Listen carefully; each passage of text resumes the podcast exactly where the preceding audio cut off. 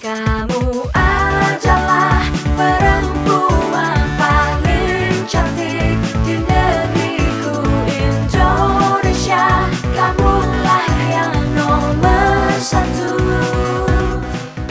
Wah, rasa-rasanya ada yang mau jadi putri Indonesia nih. Enggak Ci, aku cuma nyanyi aja tadi Kirain aku kamu mau jadi ikutan putri Indonesia. Duh, gimana ya, dipikir-pikir dulu deh ya Ci Ngomong-ngomong tentang putri Indonesia, aku baru tahu nih, baru-baru ini Universitas Siliwangi ngadain pemilihan putri Siliwangi loh. Wah, iya ya, aku tahu tuh Ci Mereka mereka keren-keren tahu. Selain cantik-cantik dan ganteng-ganteng, mereka juga punya skill yang luar biasa banget loh. Keren banget deh pokoknya. Wah, mantap Ci, bibit-bibit pengharum nama Unsil nih Ci Ya pas banget lah pokoknya ini keren lah pokoknya.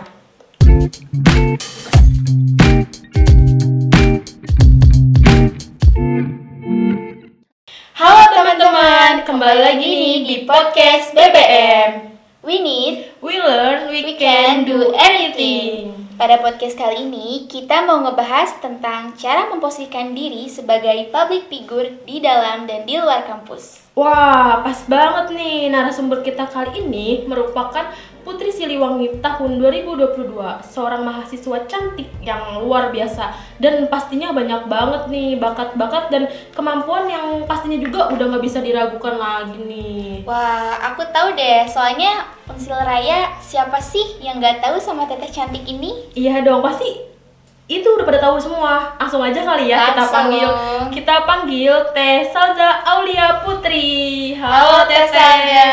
Halo. Teh Salja biasanya lebih sering dipanggil apa nih? Teteh, Mbak, atau Kakak?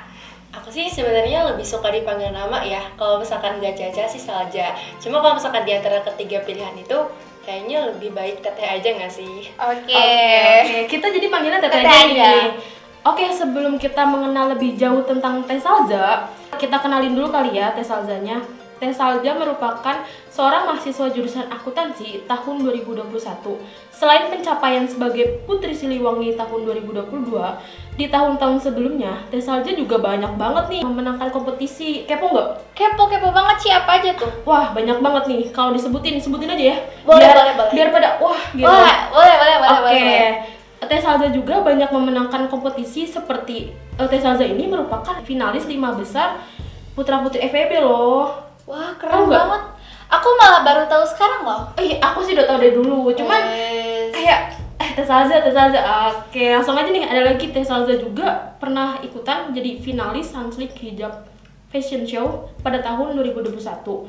Eh, dan juga Teh Salza juga ini keren banget nih meskipun ikutan aktif kompetisi-kompetisi Teh Salza juga aktif dalam berorganisasi. Wah, keren apa aja tuh, Ci? Kamu tahu mau Besma nggak? Oh, mau Besma. Iya. yang Di FA itu Iya, kan? jadi Teh Salza juga pernah ikutan Mubesma nih. Wah, keren Dan banget. jadi divisi Divindi. Wah, keren tuh, Ci. Apalagi, Ci, selain Eh, dari selain eh, itu, Besma? oh, oh, selain itu juga Teh Salza tuh aktif dalam kompetisi-kompetisi lain yang wah banyak banget nih kalau disebutin. Yang ada makan waktu. Oh iya, Dan bener banyak banget. Saking nih. banyaknya Saking banget aktif banget soalnya Salza keren, ini. keren. Terus eh, apa ya? eh, Teh Salza juga nih aktif dalam UKM juga. Mau tau UKM apa? UKM apa? Udah kelihatan belum? Kalau Teh Salza ini UKM apa? Kalau dilihat dari kira eh, UKM apa ya? Modeling-modeling mungkin? Iya, pas banget tau nggak apa? Apa?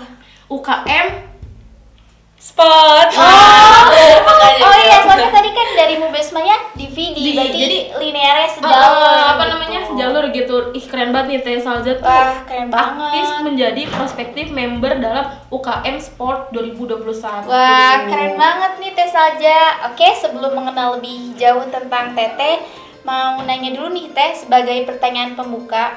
Gimana kabarnya hari ini Teh? Alhamdulillah baik. Gimana nih kalian kabarnya? Wah, Alhamdulillah, baik, luar baik, biasa. baik. Allah Akbar. Eh, Masya Masya Allah. Baik-baik aja sih deh kita, kita mah ya atau Alda gimana ada ada hal-hal yang mengganggu Oh, sejauh ini eh, tidak ada. Oh, tidak Alhamdulillah. ada. Alhamdulillah. Aku mau nanya nih Teh, kesibukan Teh Salza ini sekarang ngapain aja nih Teh? Oke, eh, mungkin yang baru-baru ini kan aku jadi Putri Siliwangi gitu kan. Nah, sebelum aku jadi Putri Siliwangi itu, aku sempat awal semester itu part-time kerja di salah satu kafe yang ada di kota Tasikmalaya. Kenapa aku kerja part-time? Karena kuliahnya itu masih online. Jadi aku mas- masih punya banyak waktu luang buat eh, ngabisin waktu aku eh, kerja part time gitu. Terus untuk kesibukan lainnya itu kan aku join Mobesma karena aku merasa aku merasa kalau kuliah itu gak mau kupu-kupu gitu loh, apalagi masih awal semester kan, masih nggak belajar banget gitu kan. Eh, terus ya udah kesibukan aku tuh yang paling cuma kuliah sama part time. Tapi sekarang gara-gara kuliahnya udah mulai offline, jadinya aku bener-bener fokus kuliah. Jadi aku punya kesibukan yang bener-bener produktif itu pas semester 1 sama 2 aja. Kalau sekarang tuh ya fokus kuliah gitu. Apalagi udah masuk semester 3 tuh udah bener-bener bikin pusing gak sih kalian gimana? Bener, Ya, banyak bener-bener. tugas. banyak Iya, banget tugas. tugas. Terus kita juga ada apa ya ikutan organisasi Oh organisasi iya, bener lain. Jadi ya. Jadi kan punya kesibukan yang lebih sibuk gitu Iya, ya. Apalagi benar-benar. kan waktu semester 1 2 itu agendanya kebanyakan online. Sekarang kan semuanya banget mau organisasi, Iya. kuliah juga offline Iya, kan. Jadi benar. ya gitu deh, habis waktunya sama kuliah gitu. Oke nih Teh, kita mau kepoin dikit lagi boleh gak nih? Boleh banget dong. Wah, mantep nih. Ah, langsung langsung langsung Langsung kita aja. kepoin, eh, kepoin lagi. Aku mau tanya nih Teh, sebelum menyandang gelar sebagai Putri Siliwangi, bagaimana cara Teteh menunjukkan self image Teteh ke halayak umum? Oke, pertanyaan yang menarik ya buat aku. Mungkin untuk untuk aku nggak pakai mungkin ya, karena harus yakin Ah, ah, ya. iya, benar Eh, cara aku buat nunjukin self image aku itu dari personal branding aku yang aku buat di Instagram. Kenapa harus di Instagram sih? Biasanya ya, kalian itu kalau ngelihat orang yang misalnya ya orang-orang omongin tuh saja tuh kayak gini gini gini. Pasti yang mana sih orangnya? Gak mungkin kan langsung dimunculin depan gitu kan? Makanya dimulai itu dari Instagram. Kalau misalkan personal branding atau brandingan kita di Instagram itu kurang orang lain juga bakal ngejudge gitu gimana apa yang mereka lihat gitu. Makanya cara aku buat menunjukkan self image itu dengan cara bikin personal branding aku bagus di Instagram karena bukan Instagram hanya Instagram aja sih tapi platform media sosial yang kebanyakan orang bisa ngelihat aku itu gimana sih orangnya caranya gimana biar aku kelihatan tuh aku bikin personal branding yang emang aku banget tapi aku mengekspresikan itu dengan cara gimana sih biar orang lain tuh kayak merasakan apa yang aku rasakan. Maksudnya kayak aku merasa aku tuh di sini lagi bagus. Orang tuh harus tahu gitu kenapa sih aku nge-SG ini? Ya aku pengen orang lain lihat apa yang aku lihat di sudut pandang aku. Makanya aku berusaha buat ya kalian tahu ada anak-anak estetik gitu kan Oh iya, Gitu, estetik-estetikan Estetik- gitu. salah estetikan. satu contoh buat brandingan gitu kan sama kayak gitu. Terus juga untuk pencapaian-pencapaian aku atau apa yang aku tekuni kemarin-kemarin itu aku post di sosial media itu untuk bikin personal branding yang wah Salza tuh kayak gini orangnya. Wah keren nih. Aku pengen ke motivasi. Pengen ikutan juga sama kayak dia gitu kan. Kayak gitu. Jadi personal, personal brandingnya kayak gitu. Cara nunjukin aku untuk self image nya ya gitu. Oke, keren banget Keren nih. Banget Jadi eh, misal kalau Teh saja misal ada kesibukan lain atau pencapaian yang bisa ditunjukkan ke Instagram, orang-orang yang lihat tuh bisa juga termotivasi ya. Iya, bukan untuk pamer ya Iya, iya. gitu. Jadi tujuannya juga untuk memotivasi Hmm, kita benar. gitu. Terus dia juga Tesalza memanfaatkan teknologi Iya, kan bener banget. Zaman sekarang kalau nggak dimanfaatkan kayak sayang aja gitu Sayang ya apalagi aja. kan eh, anak milenial siapa sih yang nggak pakai Instagram gitu. siapa yang Jadi- nggak pakai sosial media gitu. Mm-mm, jadi pas banget nih Teh Salja. Oke Teh, aku mau kepoin lagi nih Teh, boleh nggak nih Teh? boleh banget dong Langsung aja Ci. Oke, aku pengen tahu nih Teh, faktor apa saja sih Teh yang menjadi tolak ukur menjadi Putri Siliwangi? Kita kepo banget nih Teh. Oke, mungkin kalian tuh kebanyakan dari masyarakat-masyarakat atau mahasiswa Siliwangi gitu eh, Universitas Siliwangi itu bakal mikir kalau misalkan putra-putri Siliwangi itu bener-bener menekankan good looking, iya nggak sih? Iya, iya, iya. Atau harus kayak bener-bener harus jaga sikap lah dan lain sebagainya yang merasa itu sebuah tuntutan. Padahal aslinya itu, kalau misalkan kalian merasa diri kalian tuh punya value, tolong ukurnya itu hanya sebatas kalian good attitude aja udah cukup gitu sebenarnya. Karena good, dari good attitude itu bisa bikin kalian itu merembet ke hal-hal yang lain untuk bersikap bagus, terus untuk gimana caranya menghargai orang lain. Karena percuma kalau misalkan good looking tapi gak good attitude ya nggak sih? Iya, Bener, bener, bener bener. banget. Secantik-cantiknya orang tuh nanti tua juga ya nggak sih? Iya, Nah, betul banget. Dan sedangkan e, jika good look, eh good attitude itu kan bakal dihargain sama orang.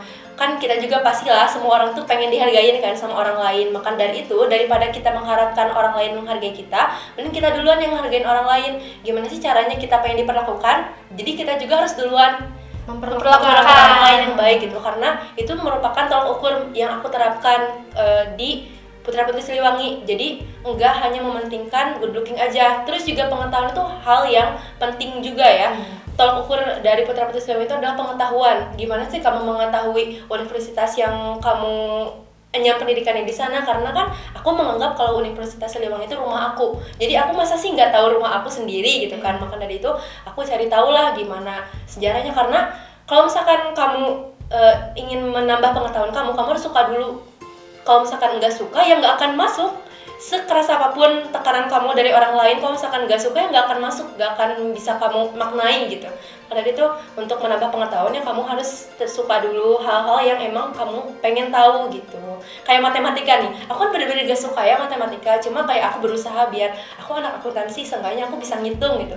Gimana caranya sih aku harus bisa kayak gitu? Harus dari diri sendiri gak bisa lah tekanan orang lain. Kamu kan anak akuntansi harus bisa kayak gini gini gini padahal itu nggak akan bisa masuk ke kitanya gitu Iya. dan berlaku juga sama hal-hal yang lain gitu Oke, bener banget. Eh, bener banget tadi apa yang dikatakan sama Teh Salja bahwa kita tuh emang mikir eh, yang masuk ke putra putri Siliwangi itu yang good Yang- looking, yang cantik- yang cantik, cantik, cantik, oh, ganteng-ganteng. bener. Ternyata nggak cuma itu ya, yang Iya. terpenting itu adalah good attitude. Karena apa ya itu penting banget ya di era-era sekarang yang mestinya banyak banget yang mencap gitu generasi milenial meskipun udah apa melek akan teknologi kadang attitude-nya kurang dan iya. kadang itu yang eh, apa ya jadi eh, bahan apa ya omongan gitu kalau ih percuma cantik tapi apa attitude-nya jelek banget gitu jadi kalau Teh Salza itu keren, Keren. sih udah menerapkan hal-hal yang wah cukup wah banget sih kalau kita kalau kata kita ya Iya bener, keren banget pokoknya.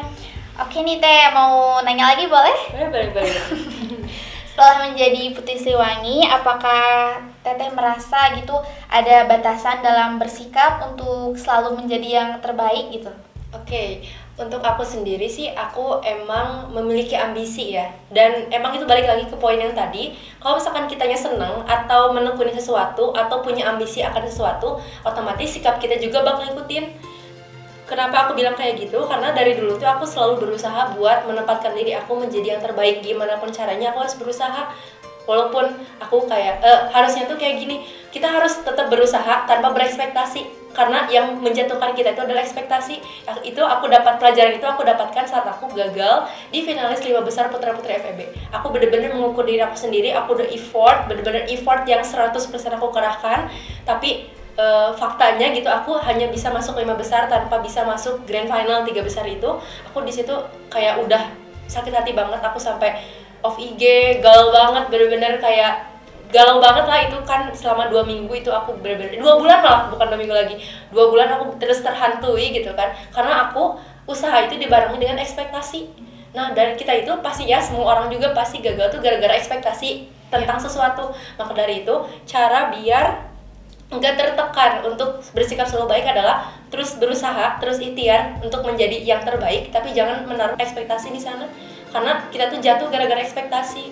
Terus aku dari kecil juga udah menerapkan gimana sih caranya biar aku jadi terbaik itu ya aku harus belajar, aku harus belajar harus kayak nggak merasa cukup sama apa yang aku punya kayak aku masih pengetahuan tuh masih nol banget. Aku selalu menganggap kayak gitu diri aku sendiri tuh nol banget. Terus aku harus berkomunikasi sama orang lain interaksi sama orang lain. Walaupun nih teman-teman e, barangkali ada yang introvert gitu kan kayak ih males gitu kan kalau interaksi sama orang lain. Tapi emang menguras energi cuma pengetahuan itu adalah menurut aku ya hal yang paling berharga gitu di hidup aku sendiri. Karena nanti kalau misalkan satu waktunya aku nggak punya apa-apa nggak punya siapa-siapa hanya aku hanya punya pengetahuan yang aku punya gitu loh. Itu bakal bisa jadi cahaya istilahnya mah kalau nanti di saat semuanya gelap gitu kan eh, pengetahuan cuma hanya satu-satunya pengetahuan yang kamu punya yang bisa jadi bakal buat diri kamu sendiri. Itu sih ya keren keren keren bener sih kata Teh Salza tuh yang tadi bilang apa kita tuh harus haus akan ilmu ya Teh jadi nggak stuck di situ aja ya Teh kita terus Cari-cari, menggali, uh, uh. karena emang wawasan pengetahuan itu emang penting, Penting banget, ya banget, buat uh, uh. eh, kehidupan kita gitu. Dan berbicara mengenai tadi kata Teteh itu yang jangan berekspektasi Ekspektasi. itu itu juga kayak quotes banget ya sih buat kita. karena kadang ekspektasi itu kalah sama tidak sesuai realita. dengan realita ah, bener kalah. banget. dan itu tuh emang yang bikin kita kecewa Mm-mm. kalau misalkan kita punya sesuatu nih yang ingin dicapai tetapi sesuatu itu tidak sesuai dengan ekspektasi kita itu emang bener-bener buat kita down kecewa banget sih aku banget. pernah kayak gitu loh eh, mengapresiasi banget sama Oh, oh. Teh Salja Bisa bangkit, bisa bangkit, bangkit, dan akhirnya sekarang dan akhirnya sekarang menjadi putri, Siliwangi keren banget keren sih banget itu. sih keren banget banget Iya itu banget. plot twist yang paling eh, semua orang tuh gak nyangka karena ih mereka dan termasuk diri aku sendiri ya underestimate diri aku sendiri kayak ih aku aja putra putri FEB gitu dalam ranah fakultas kalah. Apalagi ini yang saingannya. Kan itu kalau putra putri Siliwangi itu tiga, tiga tahun terakhir ya kayak 2000, angkatan 2021, 2020 sama 2019 aku tuh yang paling muda serius. Aku paling muda yang lain udah kayak BEM, ketua BEM atau Gen B lah pokoknya eh, bener-bener kayak orang-orang luar biasa gitu ya. Putri FK, Putra FK juga ada. Sedangkan aku yang kayak lima besar, eh tiga besar aja nggak bisa di putra putri eh, di putra putri FEB gitu. Maka dari itu aku harusnya asalnya sih pada awalnya karena aku terlalu berekspektasi di putra putri FEB gagal nih aku. Terus sekarang aku kayak cuma mencoba perentukan karena cita-cita aku di awal tuh bukan putra putri FEB bukan putra putri Siliwangi tapi mau jangan jaka gitu. Masa sih nggak mau nyoba lagi gitu kan pengalaman lainnya? Barangkali bisa barangkali rezekinya di sana gitu. Dan dan akhirnya dan ini bener-bener plot twist gitu rezeki aku emang di putra putri Siliwangi dapat amanahnya gitu iya itu langsung keren, banget ya langsung banget. muncul Wah, langsung muncul. Si- gitu eh, ranahnya tuh udah jauh banget Heeh. unsil gitu udah seunif banget itu gitu. udah jalan dari Allah gitu Iya, dikasihnya. qadarullah ya. Ci. dan itu pun tanpa ekspektasi tanpa berekspektasi kayak aku udah menilai orang lain tuh wah teh Nabil keren teh Ratih keren gitu kan mereka keren aku mah paling cuma eh, lima besar juga udah luar biasa banget gitu itu tanpa ekspektasi makanya pas aku menang aku bener kayak seneng banget gitu loh karena tanpa ekspektasi kalau sama ekspektasi modal Jangankan Teh Salja yang senang, kita juga sebagai warga FEB, FEB seneng banget gitu ada perwakilan dari FEB yang keluar sebagai juara gitu. Iya, keren banget. Meskipun masih belia, eh termasuk belia kan ya? Iya. Dari yang lain udah pada Betul, 2019, betul. Angkatan 2019 ya. 20 Iya, gitu. keren banget sih itu. Keren keren. Aku mau nanya lagi nih Teh. Boleh. Bagaimana cara Teh Salja memposisikan diri bersikap baik di dalam ataupun di luar kampus Teh? Nih, ini mungkin kal- dari kalian tuh dari SMA, dari SMP juga sering diterapkan 5S ya nggak sih? Bener. Senyum, sapa, salam, sopan, santun. Itu hal yang emang aku masukin banget ke diri aku sendiri. Aku berusaha, seenggaknya aku ber- berusaha untuk melakukan hal itu. Walaupun nggak semuanya merasakan itu gitu. Misalnya kayak lewat sering lewat nih aku ke FEB, ada yang aku 5S-in, ada yang aku Iya. rusuh nih ke kelas gitu. Jadi aku nggak sempet kayak gitu-gitu.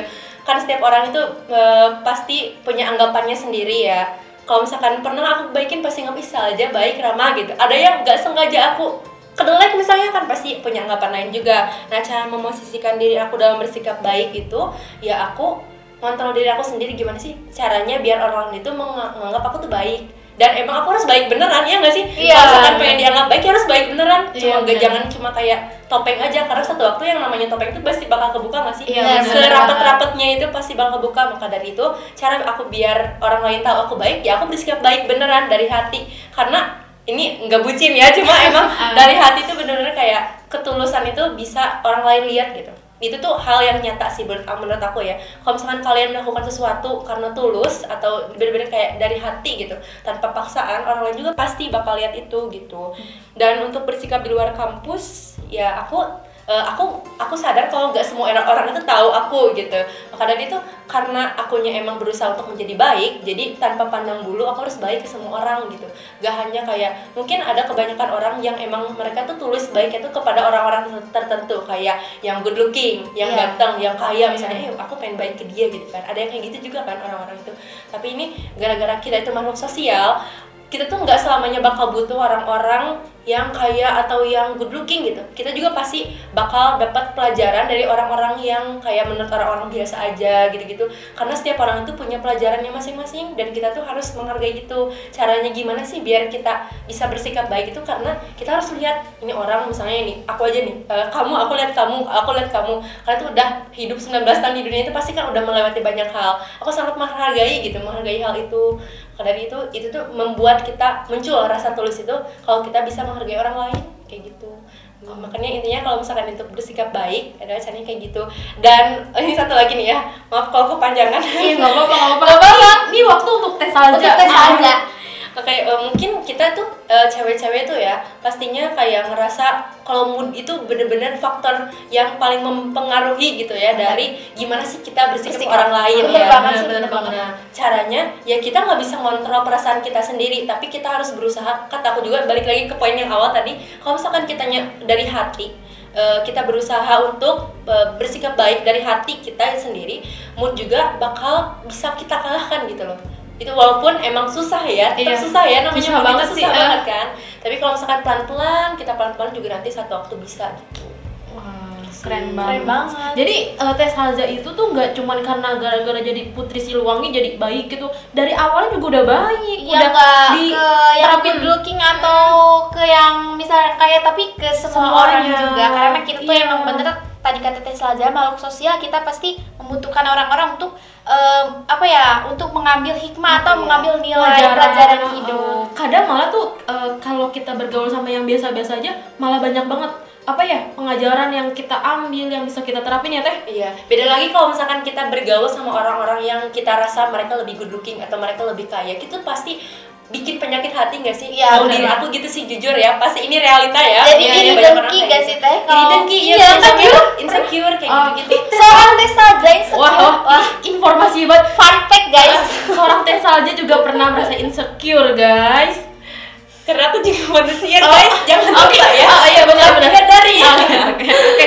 Meskipun cantik banget tapi teh salja juga Berasa. manusia. Nah. Sekarang eh, sekarang kan gara-gara aku tadi bilang kan aku setiap orang tuh pasti punya perjalanan hidup masing-masing. Kalau misalkan kalian tahu nih foto aku dulu sebelum glow up ini aku bilangnya aku glow up ya sekarang.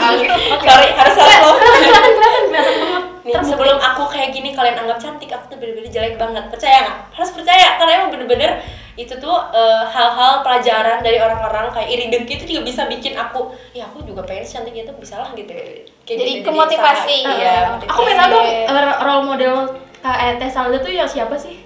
Role modelnya kayak aku pengen kayak dia gitu. nggak ada Nggak ada. nggak ada Wah, kirain aku. beda-beda aku mah kayak lihat orang bagus aku ikutin gitu misalnya ikutin itu dalam hal yang yang baik, Baik. aku serap yang buruknya aku Oh. buang gitu Tapi ada nggak yang kita tahu gitu misalkan Teh Salja dari siapa nih inspirasinya? Artis siapa Oh, dari artis gitu. gitu. jujur ya aku tuh dari dulu aku bingung juga sih sebenarnya kan kalau kalian tuh pasti kayak ada zaman-zaman alanya nggak sih kayak eh, menurut aku ya orang-orang tuh kayak suka K-pop atau Korea eh, atau Thailand atau artis-artis gitu Kobo Junior kayak gitu aku nggak pernah loh kayak gitu dulu. Aku nggak tahu kayak kalau misalkan aku inget atau sampai sekarang nih siapa sih role model buat aku? Nggak ada. Asli aku nggak punya patokan yang kayak ya udah gitu dia role model aku nggak ada. Asli. Jadi eh, yang dilihat aja gitu yang menurut Teh Teh baik gitu diikutin Iya. gitu. dan aku kayak selalu kayak mendengar kebanyakan orang. Maksudnya kebanyakan orang tuh ini hal yang baik menurut kebanyakan orang. Oh berarti aku pahamnya ke sana gitu. Jadi enggak yang satu orang matok itu satu orang se itu Oh. aku ikutin enggak gitu jadi dari banyak sumber aku cerna kayak gitu Tapi kalau misalkan Teh Salja jadi role model orang itu gimana Teh?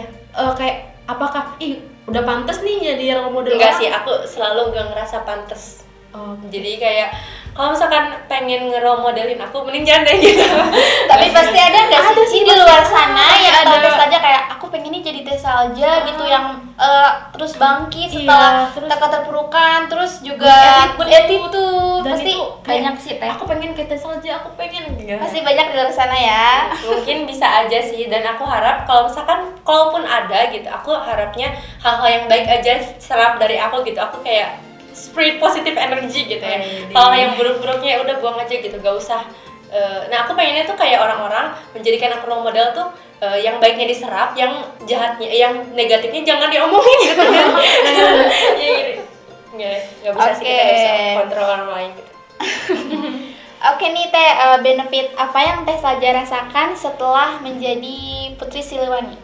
Oke, mungkin dari kalian itu pasti berpikir kalau benefit dari Putra Putri Siliwangi atau ajang-ajang sejenisnya itu adalah eksis atau eksistensi atau popularitas Oh iya ya. benar benar benar. Nah, bener, iya.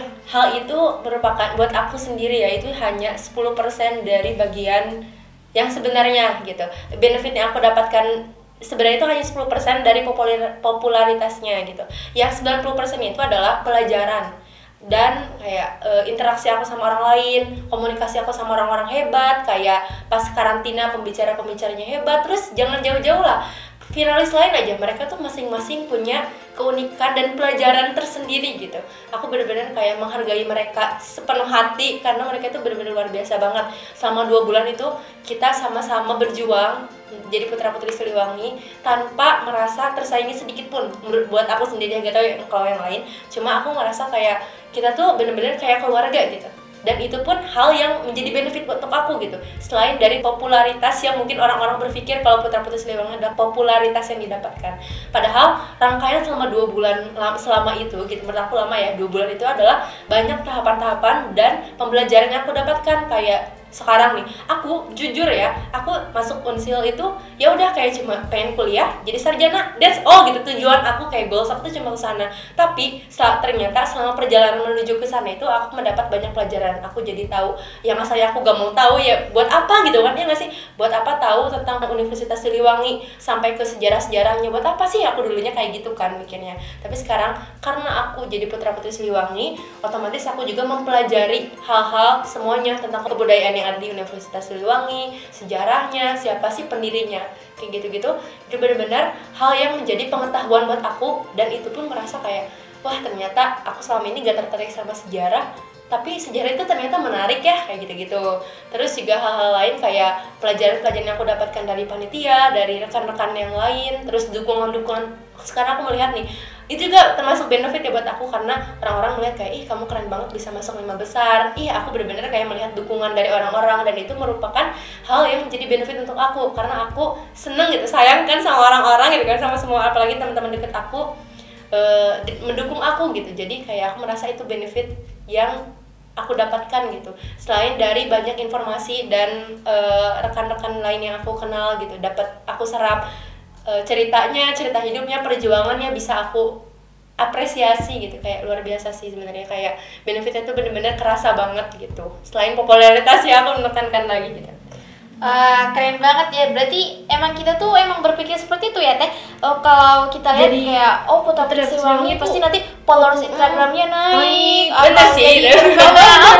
bener itu termasuk Termasuk. persen Ah, persen termasuk jadi Termasuk. masuk lah gitu Iya. tapi eh, untuk kalau jadi 90% popularitas itu enggak banget ya teh Enggak banget sih. bukan ya jadi meskipun teteh apa jadi putra putri Siliwangi juga masih apa ya maksudnya eh, enggak enggak selamanya gitu kalau misalkan dipatokin kalau ah jadi pu- apa putra putri Siliwangi itu popularitasnya tuh wah Terus wah, terusan banget. ternyata enggak. seorang teh ya. Tuh enggak kayak gitu Jadi Dia yang penting tuh memang penget- eh, pengetahuan, pengalaman, pelajaran pelajaran hidup. yang karena gini loh kalau misalkan namanya popularitas itu tuh pasti bakal dikalahin lagi sama orang lain kalau misalkan kita matok sama popularitas ya kita dikalahin orang lain panas gak sih kayak ya aku harus beli followers misalnya gitu ya gak sih Seneng banget. karena pasti ada lagi yang muncul ya teh? Iya, ada kayak yang Kalau muncul. misalkan hal-hal yang emang itu jadi privilege orang-orang, misalnya kayak pengen putih, privilege tentang kulit putih, orang-orang tuh pasti kalau misalkan matok itu buat dirinya sendiri, itu bakal gak akan ada habisnya sih menurut aku.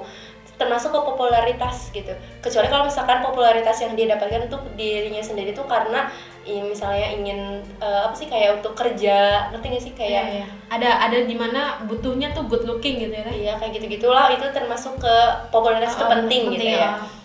Karena kan balik lagi ke poin awal tadi yang self image itu kan dibuat dibuat dari self branding Instagram aku Iya, kayak gitu. banget. Dan itu juga bisa berpengaruh sih untuk diri aku sendiri tentang popularitas itu, tapi jangan sampai itu hal yang dijadikan poin utama atau tolok ukur seseorang dilihat dari followersnya atau tolok ukur seseorang dilihat dari gimana sih di Instagramnya likesnya, komennya gitu-gitu kan itu merupakan hal yang subjektif menurut aku. Karena kalau misalkan kamu ngelihat orang lain kayak gitu, otomatis eh, misalnya kamu lihat Aukarin yang 1,9 m misalnya atau berapa mm followersnya kamu menganggap kalau dia tuh orang yang sesempurna itu karena banyak yang mengikuti dia kalau teleponnya kayak gitu kan jadi kayak gitu ya apa kalau beda sama yang tadi aku bilang kalau misalkan pengetahuan atau attitude-nya bagus kan itu attitude eh tolak ukur yang bisa dirasakan nggak oleh dominan orang tapi orang yang merasakan keberadaan atau eksistensi dari orang tersebut yang punya eh, pengetahuan yang luas sama attitude yang bagus kayak gitu.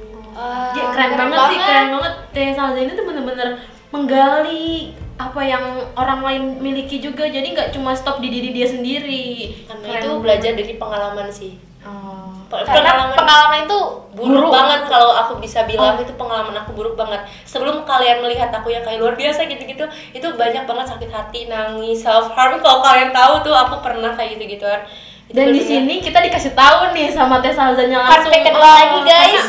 Teh Salza juga bisa bangkit ya dari hal-hal itu ya Teh ya. Jadi Iya. bisa bangun lagi. dan kalian nih pasti eh, di luar sana pasti banyak banget yang ngerasa kayak ada yang depresi ya pokoknya tentang mental health mereka terganggu itu hal yang menjadi permasalahan milenial sekarang-sekarang kan? Maka dari itu gimana sih caranya? Ya kita harus jangan terlalu matok sama kesedihan itu. Sedih itu gak apa-apa. Itu tuh bisa bikin cambuk buat kita sendiri ya kalau kesedihan itu. Tapi jangan selamanya berlarut sama kesedihan itu. Kita harus lihat apa sih hikmahnya? Satu waktu juga pasti itu hal yang bakal disadari gitu buat kalian kalau misalkan ngerasa depresi atau sedih atau punya mental illness kayak gitu-gitu jangan melihat hanya dari satu sisi aja. Melihatnya hal yang baik apa sih seudah ini tuh?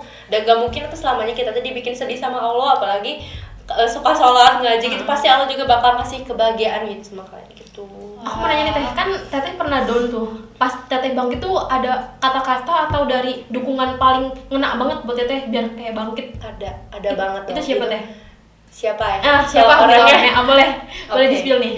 Oke, mungkin ini eh, mungkin untuk mayoritas orang itu perbucinan adalah yang bisa bikin mereka bangkit apalagi yang udah trauma atau melihat orang tua mereka itu broken home gitu. Ot- otomatis ya aku bisa bilang itu mantan mantan aku Ah, itu salah satu maksudnya kayak gini loh sedikit ah, buat aku sendiri nih ya semoga nggak berlaku ke kalian cuma buat diri aku sendiri sedekat dekatnya aku sama teman aku mereka juga pasti punya yang lebih deket gitu loh. Iya. jadi aku nggak pernah punya yang bestie banget gitu selain doi aku sendiri kayak dulu dari dulu gitu kayak gitu. Tapi kan emang yang namanya hubungan yang masih cinta monyet gitu ya. Walaupun emang itu jadi menjadikan aku punya temen curhat atau berkeluh kesah satu waktu juga kan ada putusnya. Cuma kan beda ya kalau misalkan sama temen tuh punya batasan sendiri. Kan beda ya kalau misalkan bestie. Mana aku nggak punya bestie gitu tapi punya mantan gitu. Dan terus untuk orang tua nah orang tua juga orang-orang eh, orang tua kan nggak satu. Dan aku nggak bener untuk orang tua orang tua aku itu mereka tuh luar biasa banget mau mendengar hal-hal yang aku bisa ceritain. Dan ada kan aku juga nggak semuanya ceritain ke orang tua aku kan Eh, karena mungkin eh, orang-orang juga punya orang tua yang punya pikiran kolot gitu ya. Nah aku juga nggak bisa ceritain tentang permasalahan-permasalahan remaja yang nggak bisa diceritain ke orang tua aku. Cuma untuk hal-hal yang menjadi kendala, aku di rumah atau aku punya kesedihan gitu orang tua aku bisa nenangin aku gitu kan. Eh, give applause to my parents. Bercanda. Oke Jadi semuanya itu apa orang-orang yang bener-bener ngebang apa? Mendukung. mendukung teteh dari pas down banget ya teh iya gitu. dan kerasa banget gak sampai sekarang itu orang-orang kerasa banget. Eh, terus ketambah gitu kan untuk dukungan ya. Iya. beda lagi beda lagi beda lagi ceritanya kalau misalkan disebut untuk yang bisa nyambuk aku itu siapa aja. Aku selalu berpikir kalau selama kemarin pas aku jatuh tuh aku merasa aku menjadi perempuan yang paling menyedihkan di dunia ini. Iya gitu sih. Ih. kayak gitu nggak sih pernah pernah pernah ngerasa tapi kayak eh, konteksnya nggak seperti tes salja gitu. Tes salja kan emang bisa bangun lagi yang kalau bener-bener kita tuh kayak lebih kepada nangis dulu Ah, nangis lama-lama lama itu tapi juga kenapa? Tugas. Tugas. Tugas. Kita selalu terbang apa terbebani kali ya kadang. Tertekan. tertekan. Tapi kita mah beda ya tes Beda. mah udah beda. Langsung langsung ah, kita kadang diem enggak diem. enggak langsung. Sumpah. Oh tadi butuh dua Butuh bulan, bulan. tapi itu, itu, mah dua bulan buat putra putri seliwang eh putra putri FEB beda Oh, ini lagi. beda lagi, ada Beda lagi. ada lagi. Oh, sebelum oke. bisa eh, aku bisa ambis atau punya ambisi untuk mendapatkan sesuatu itu aku melewati banyak banget hal-hal yang emang menurut aku sendiri itu aku sih di umur 16 15 16 17 itu benar-benar kayak aku tuh masih terlalu muda buat ngerasain ini gitu. Semua aspek kehidupan aku pernah dapat cobaan dan itu dalam satu waktu pas 10 semester 1 aku masih inget banget. Itu hal yang menjadi ngebentuk aku menjadi uh, punya ambisi gitu. Karena ya balik lagi ke yang tadi di awal. Itu harus datang dari diri sendiri. Kan karena aku udah melewati itu melewati fasenya mungkin untuk orang-orang tuh fase seperti quar- quarter life crisis. Itu kan dialami di usia 25 ya. Aku merasa kayak kan aku pernah baca nih gimana aja sih quarter life crisis itu. Aku merasa malah hal-hal yang menjadi krisis di usia 25 itu aku rasain kemarin-kemarin pas umur aku masih 16, 17, 18 itu worst year sih. Itu masa-masa pembentukan aku bilangnya Ma- eh, usia perjuangan lah bener-bener kayak di situ itu yang ngebentuk aku. Tadinya itu aku udah di ujung jalan banget nih antara nyerah atau lanjut lanjut melanjut kehidupan aku kayak gitu. Nyerah tahu kan konteksnya kayak gimana? Iya, iya, sampai kayak gitu loh se hopeless aku itu.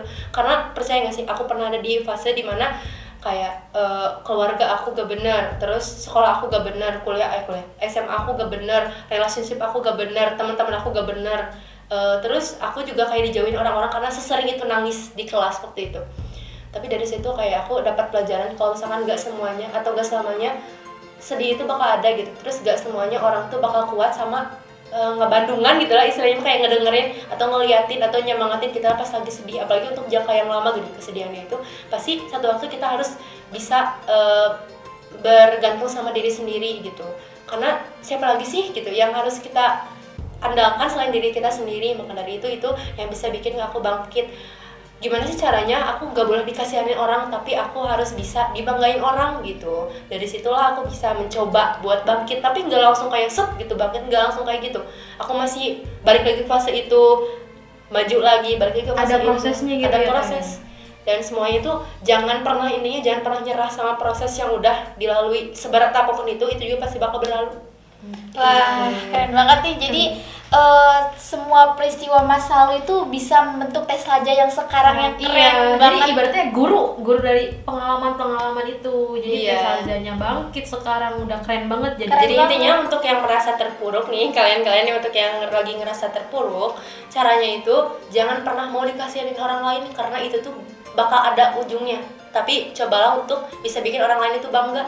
Karena itu bakal benefitnya buat kita, kita bisa menyebarkan buat orang lain, memotivasi orang lain gitu kan. Itu benefit yang mungkin untuk saat ini aku rasakan kayak gitu.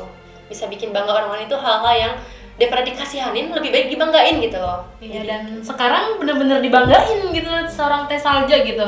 Oke nih Teh, sebelum berakhir acara ini, aku pengen tahu deh closing statement dari Teteh atau kesan pesan yang mau Teteh sampaikan untuk jadi narasumber kita kali ini.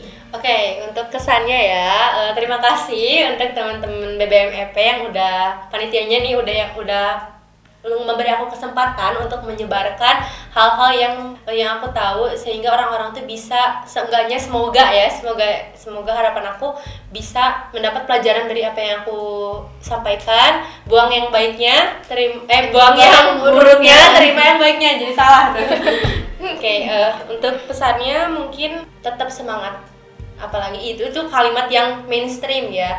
Apalagi eh, intinya aku cuma mau nyemangatin seburuk apa pun hari kalian pasti bakal ada endingnya gitu. Maka dari itu eh, punya moto hidup lah itu yang paling penting sih buat aku. Punya hal yang harus dijadikan cambuk. Kayak aku nih aku mau spill nih moto hidup aku. Wah, apa nih apa nih kita Apa nih kepo dengerin nih? nih, ya, dengerin baik-baik ya untuk para pendengar nih moto hidup seorang Teh Salja.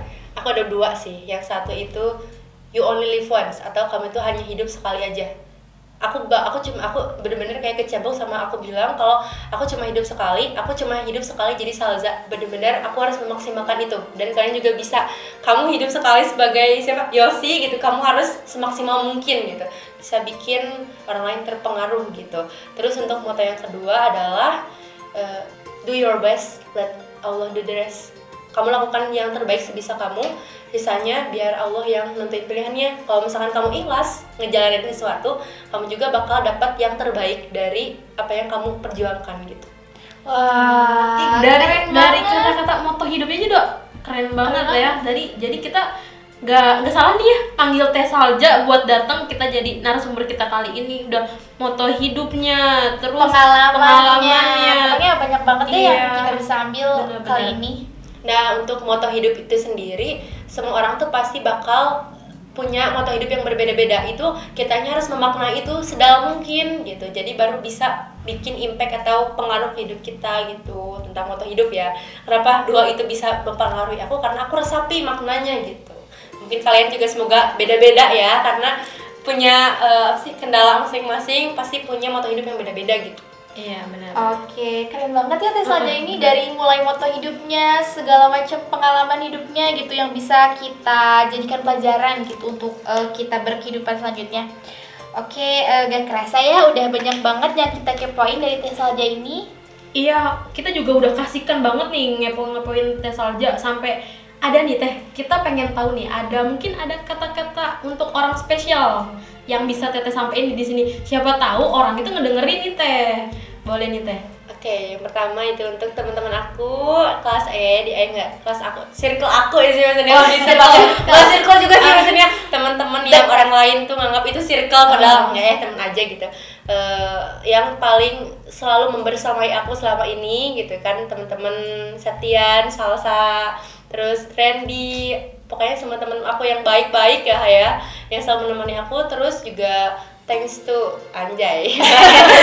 Thanks to eh, apa ya siapa lagi? Pokoknya banyak lah yang pengen aku bisa lama teing gitu ya. Eh, makasih gitu buat semuanya yang selalu mendukung aku kalian siapa pun itu. Makasih gitu. Aku orang tua aku juga ya, apalagi ya yang paling seneng untuk yang paling seneng mengapresiasi aku mengapresiasi aku setulus itu gitu mama aku mama Ita itu terbaik sih Oh, Mama Ita tuh Mama Mama Ita. Ita, ya. Buat kalian pengen tahu mama aku siapa Mama Ita gitu ya Mama Ita. Ah, ada orang spesial katanya kayak tadi kan disebut tuh eh, sempat disebut doi. Doi. Boleh tuh Boleh tuh. Mungkin dikasih tahu. Nggak ada. Nggak ada. Udah. kan mantan aku bilang Oh, mungkin ada kata-kata. Kan dari dari kemarin itu apa? Kemarin-kemarin katanya suka menyemangati. Iya, oke. Eh, apresiasi yang sebesar-besarnya karena selama menemani aku kemarin-kemarin itu benar-benar bikin bisa bikin aku bangkit. Terus aku juga bukan tipe orang yang bucin, jadi aku gak bisa menyampaikan. Aku cuma cuma bisa bilang makasih, udah gitu doang. Oke. Gak bisa. Oke nih, jadi buat teman-teman yang mau seperti Teh Salja yang sangat luar biasa mulai dari pencapaian Teh Salja, pelajaran hidup, eh, hingga pencapaiannya sebagai putih silangi hingga kemampuan-kemampuan yang pastinya luar biasa bisa banget nih dengerin podcast kita kali ini karena banyak banget hal yang bisa kita ambil dan kita terapkan di kehidupan sehari-hari. Sebelumnya mau ngucapin terima kasih banyak nih buat Teh Salja yang udah berkenan hadir menjadi narasumber podcast kita kali ini. Terima kasih banyak nih Teh. Semoga keinginan Teteh sebagai mujang jaka tercapai dan mungkin bisa lanjut ke Putri Indonesia mungkin Wah, ya, kita doain, kita doain, dukung, kita dukung Kita Teh. Salja gitu. Teh Salja sebagai wakil tasik Uh, gitu. Dan jangan lupa Teh, konten-konten kita ya. Biar biar kita langsung tetap ngedukung si Teteh Iya, bener banget. Oke, makasih ya. Wah, sama-sama gitu aku makin semangat gitu ya. Oke, terima kasih juga nih buat teman-teman yang udah setia dengerin podcast kita. See you di podcast BBM selanjutnya. Bye-bye.